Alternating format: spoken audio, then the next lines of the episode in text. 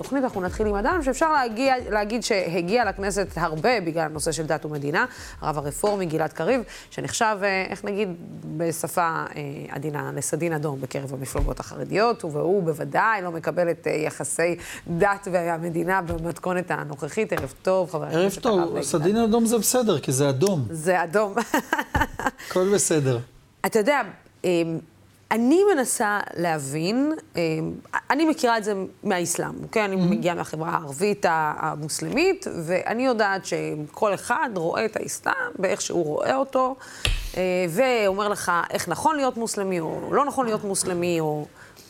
מעניין אותי לדעת מתי הגיע הרגע שבו גופים מסוימים, או אישים מסוימים, קיבלו בעלות על היהדות והחליטו מיהו היהודי הטוב ומיהו היהודי הלא טוב, מה נכון, איך נכון להיות יהודי ואיך לא נכון להיות יהודי.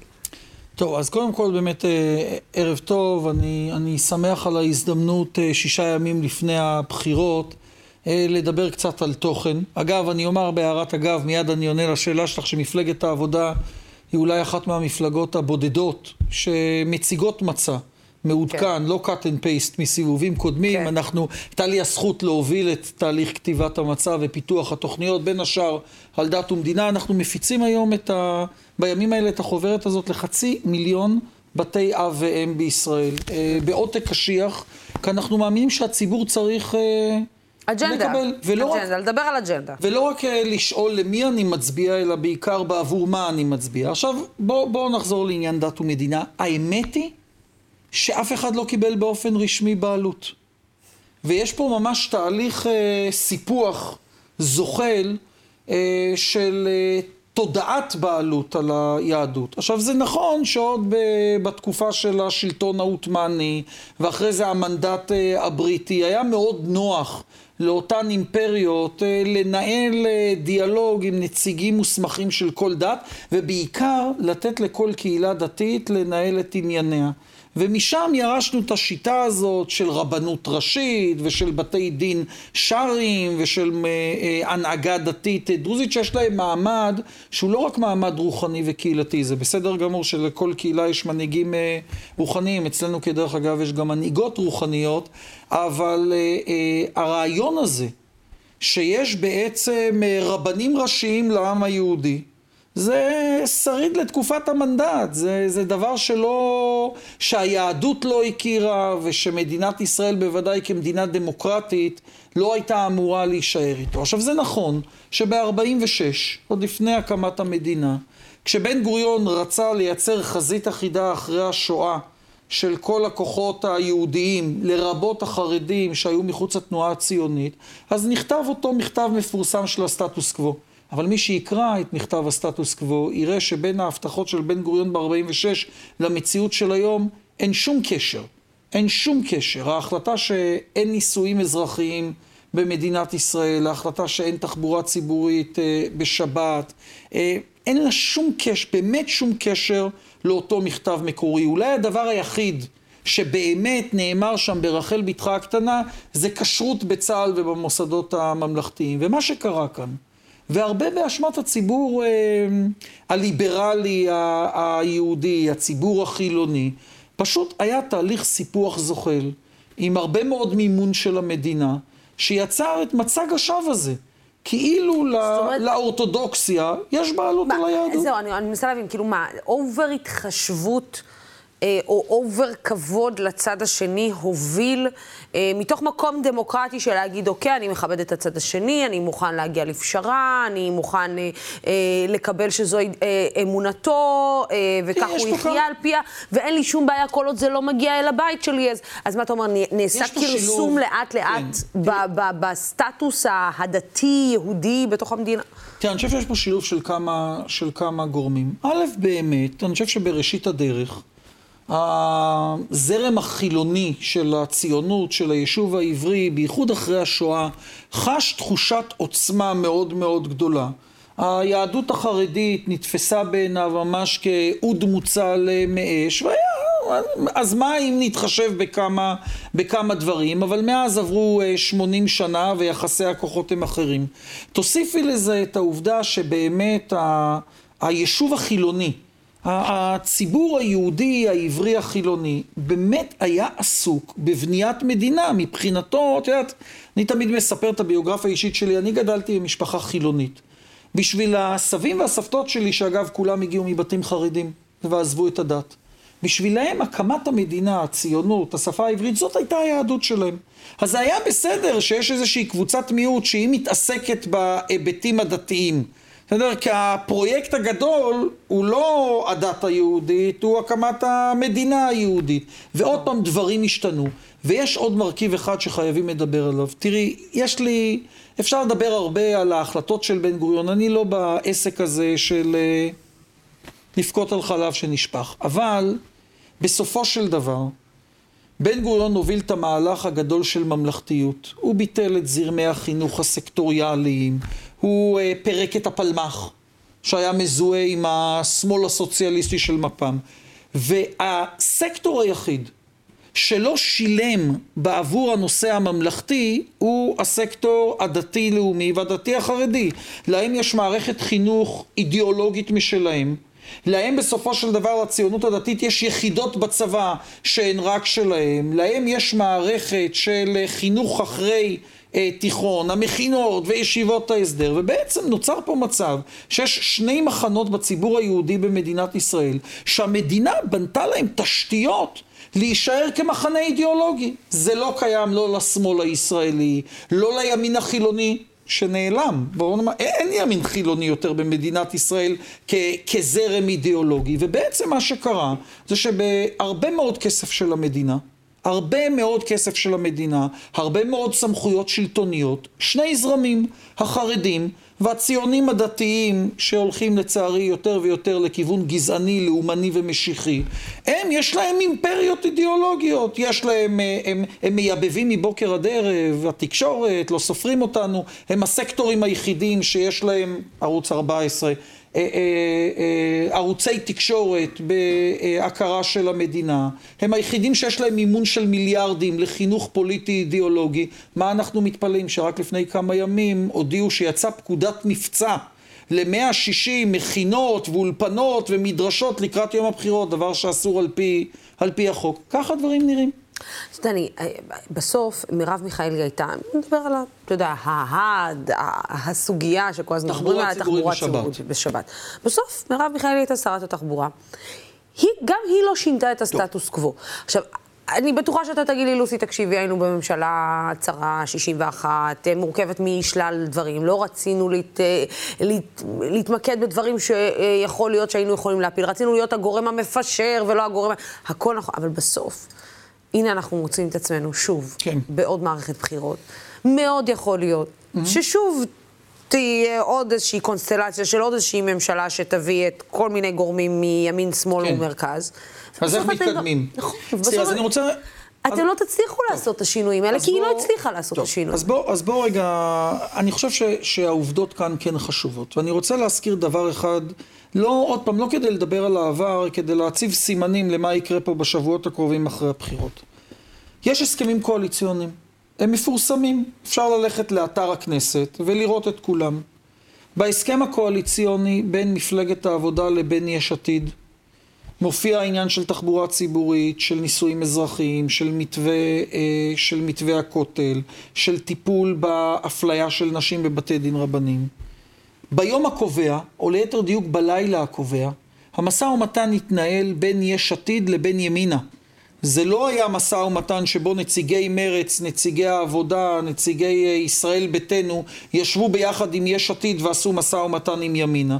בחדר ישבו נציגי יש עתיד ונציגי ימינה. ואנחנו את הלילה הזה סיימנו עם הסכם קואליציוני של יש עתיד וימינה, שמוגדר כהסכם שהוא הסכם ה overruling, הוא מעל כל ההסכמים בתוך הגושים, ושם יש עתיד מסרה לידיו של בנט ובעצם לידיה של איילת שקד וטו מוחלט על ענייני דת ומדינה, למעט הרפורמות שעניינו את ימינה ואת מתן כהנא. ופה בעיניי היה מחדל מאוד מאוד גדול שברגע המכריע, לצערי, חבריי ביש עתיד, שאני מאוד שמח שהם הרכיבו את הממשלה הזו, אבל בעניין הזה של הדת והמדינה היה מצמוץ מוקדם מדי של יש עתיד, ולא הייתה הקפדה שבתמורה להישגים של מתן כהנא, רפורמת הכשרות שעניינה אה, רק אותם, הרכב הגוף לבחירת הרבנים הראשיים שעניין רק אותם, יהיו לפחות התחלות של דברים גם בכיוון שלנו. אז קודם כל צריך להבין, זה לא רק לשמור על הקואליציה. ההסכם הקואליציוני נתן לאיילת שקד, למתן כהנא ולנפתלי בנט זכות וטו, ולכן בעצם נשארנו עם מצב שבו מה שיכולנו לעשות זה את הדברים בתוך המשרדים שלא דרשו חקיקה. אז בואו רגע נראה מה קרה. מרב מיכאלי הרחיבה בצורה דרמטית את ההיתרים להפעלת קווים בשבת שמשרתים יישובים ערבים, שנוסעים לבתי חולים, בסדר? בניגוד לתהליך שקרה, אם אני לא טועה, בימי מירי רגב או ישראל כץ של צמצום מספר ההיתרים, אצל אה, אה, משרד התחבורה בעידן מיכאלי הרחבה משמעותית.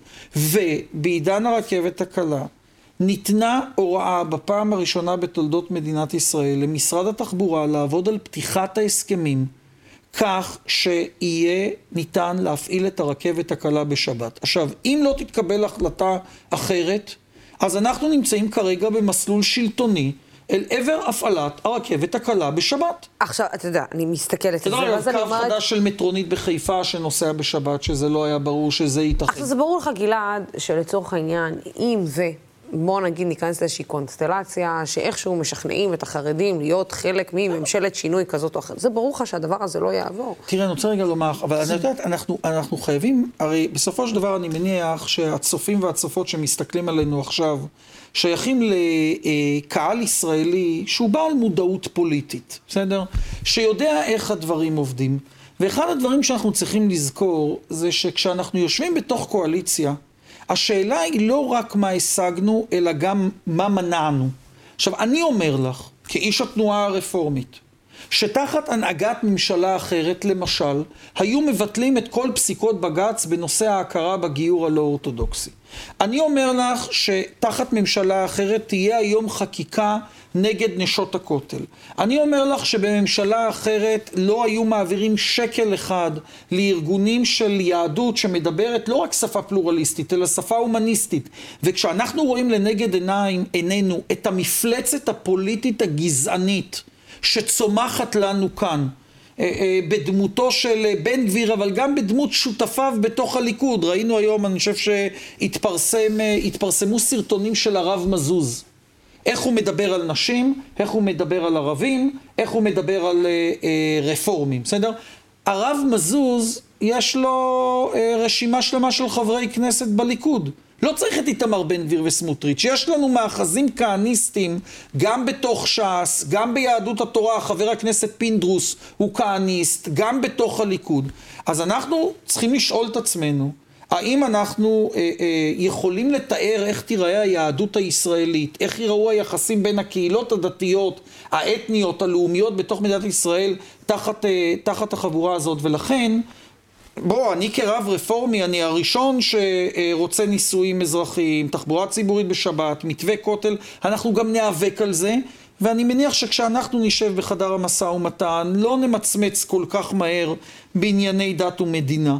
אה, אבל תמיד צריך לשים בראש גם מה האלטרנטיבה. ואחד מה שאני רוצה בעניין הזה לומר, תראי, התרגלנו לחשוב שדת ומדינה זה בדיוק הארבע סוגיות האלה. תחבורה ציבורית בשבת, אה, נישואים וגירושין אזרחיים, אה, הכותל, ההכרה ביהודים, כשרות, ההכרה ביהודים. דת ומדינה זה הרבה יותר מזה, זה, תראו מה קורה בארצות הברית.